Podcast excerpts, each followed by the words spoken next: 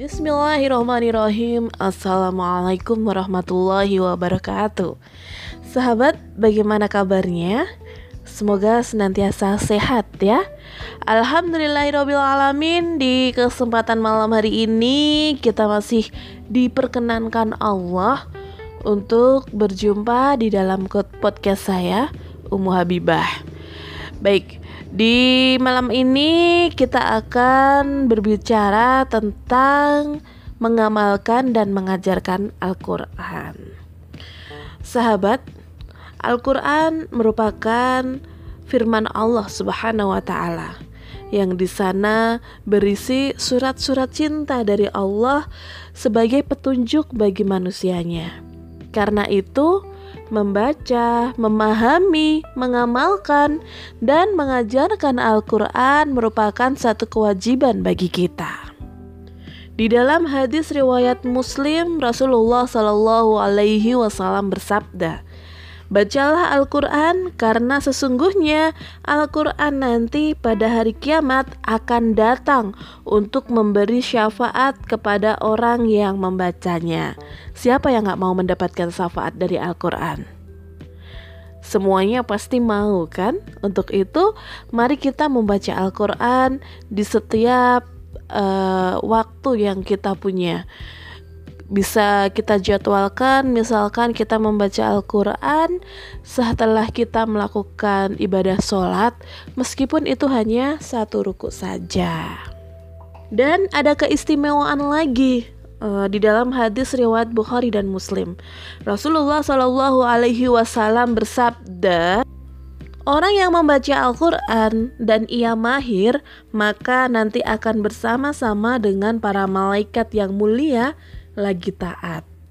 Kemudian, orang yang membaca Al-Quran dan ia merasa susah di dalam membacanya, tetapi ia selalu berusaha, maka ia mendapat dua pahala.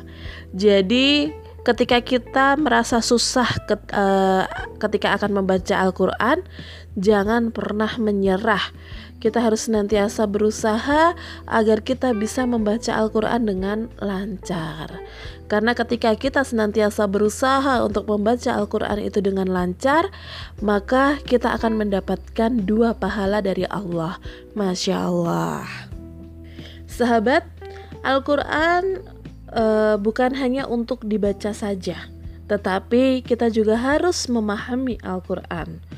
Allah Subhanahu wa Ta'ala telah menurunkan Al-Quran sebagai petunjuk bagi seluruh manusia. Oleh karena itu, kita tidak cukup hanya sekedar dengan membacanya saja, tetapi kita juga harus mempelajari dan memahaminya. Bila tidak, seseorang hanya akan menikmati indahnya bacaan Al-Quran tanpa dapat memahami kandungan yang dia baca.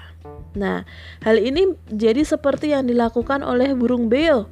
Ketika burung beo diajarkan untuk membaca sirup, sirup, sirup, maka dia akan mengatakan sirup, sirup, sirup. Nah, namun ketika uh, si orang yang mengajarkan tadi memberinya itu satu gelas air sirup, maka si be burung beo itu tidak akan meminum sirup itu, tapi dia hanya mengatakan sirup, sirup, sirup, sirup. Hal itu uh, dikarenakan burung beo itu hanya mampu mengucapkan sesuatu, tapi dia tidak memahami apa yang dia uh, ucapkan. Jadi, agar kita tidak sama dengan burung beo, maka kita harus memahami Al-Quran, dan tidak sebatas ini saja. Seseorang Muslim ternyata juga harus menyampaikan ajaran Islam, meskipun hanya satu ayat. Kata Nabi, sampaikanlah dariku meskipun hanya satu ayat. Balighul ani walau ayat. Jadi, bagaimana mungkin kita bisa menyampaikan isi kandungan dari Al-Quran jika kita tidak memahaminya? Jadi, selain membaca Al-Quran, kita juga harus memahami Al-Quran. Ketika kita sudah membaca Al-Quran, kemudian kita juga sudah mengam, uh, memahami Al-Quran, maka kewajiban kita selanjutnya adalah mengamalkan.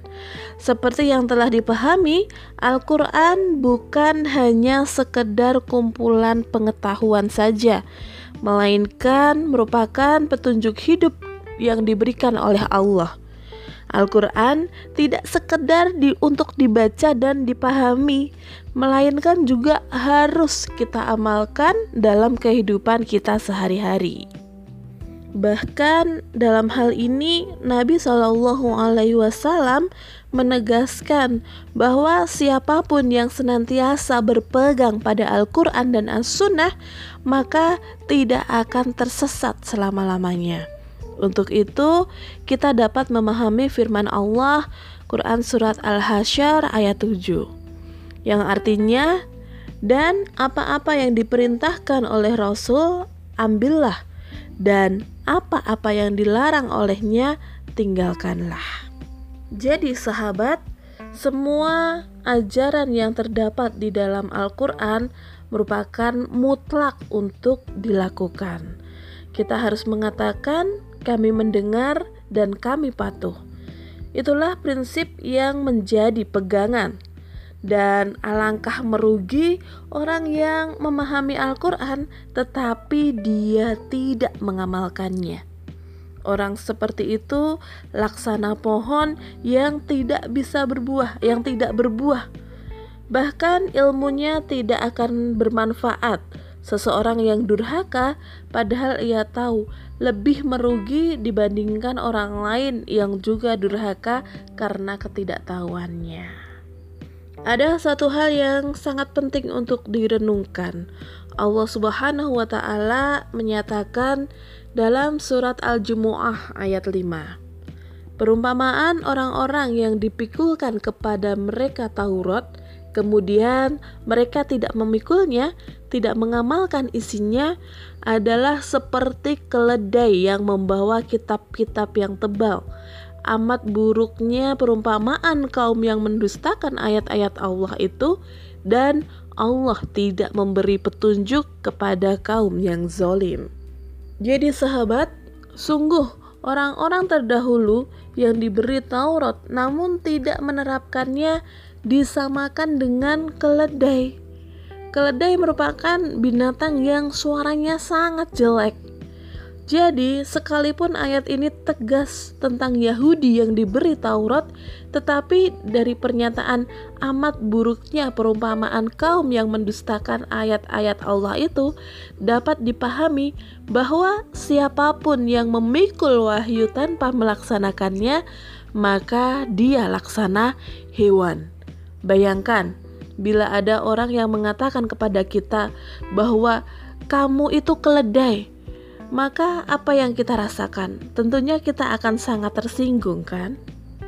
Apalagi jika yang mengatakan itu bukanlah manusia, tetapi Allah Subhanahu wa Ta'ala, yang tentunya kita senantiasa mengharapkan keridhaan Allah.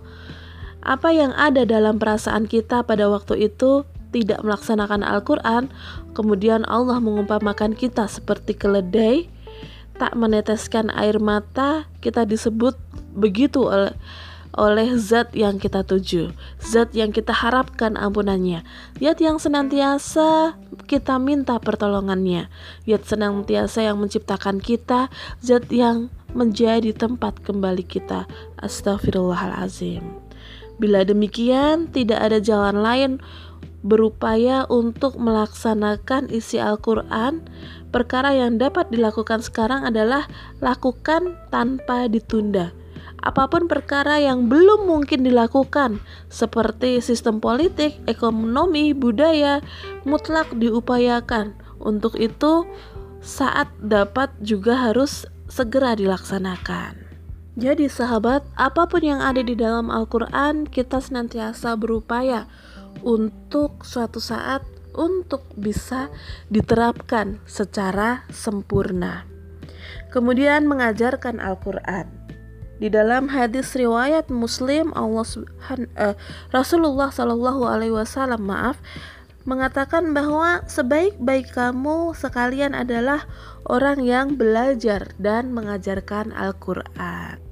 Hadis ini mengabarkan perintah yang mengajarkan Al-Quran. Tentu saja, mengajarkan Al-Quran mencangkup mengajarkan cara membacanya, termasuk dengan tajwidnya. Namun, tidak hanya itu, mengajarkan Al-Quran berarti juga mengajarkan isi kandungan Al-Quran.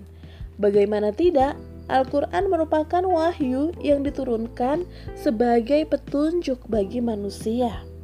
Penjelasan dari petunjuk-petunjuk itu dan pembeda antara hak dan batil. Semua perkara ini tidak dapat dicapai dengan pintar membacanya saja. Sebaliknya, kita perlu memahami segala yang dikandungnya. Dengan demikian, mengajarkan Al-Quran berarti mengajarkan kandungannya.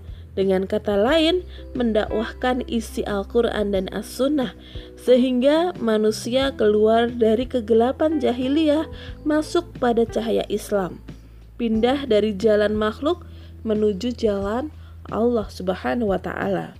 Dalam Quran Surat An-Nahl ayat 125, Allah Subhanahu wa Ta'ala mengatakan, Serulah manusia kepada jalan Robmu dengan hujah atau hikmah, nasihat yang baik, dan berdebatlah dengan mereka dengan debat terbaik. Semua ini tidak akan mungkin bisa dirasakan hasilnya bila hanya terbatas dengan membaca saja. Untuk itu, kita juga harus memahami Al-Quran. Kemudian, kita juga mempraktekannya dalam kehidupan kita sehari-hari. Jadi sahabat, Al-Quran bukan hanya sekedar untuk dibaca saja, tetapi kita juga harus memahami, mengamalkan, dan mengajarkannya. Begitu podcast kita di kesempatan malam hari ini. Semoga bermanfaat. Wassalamualaikum warahmatullahi wabarakatuh. Tetap stay tune di podcastnya Umu Habibah. Terima kasih.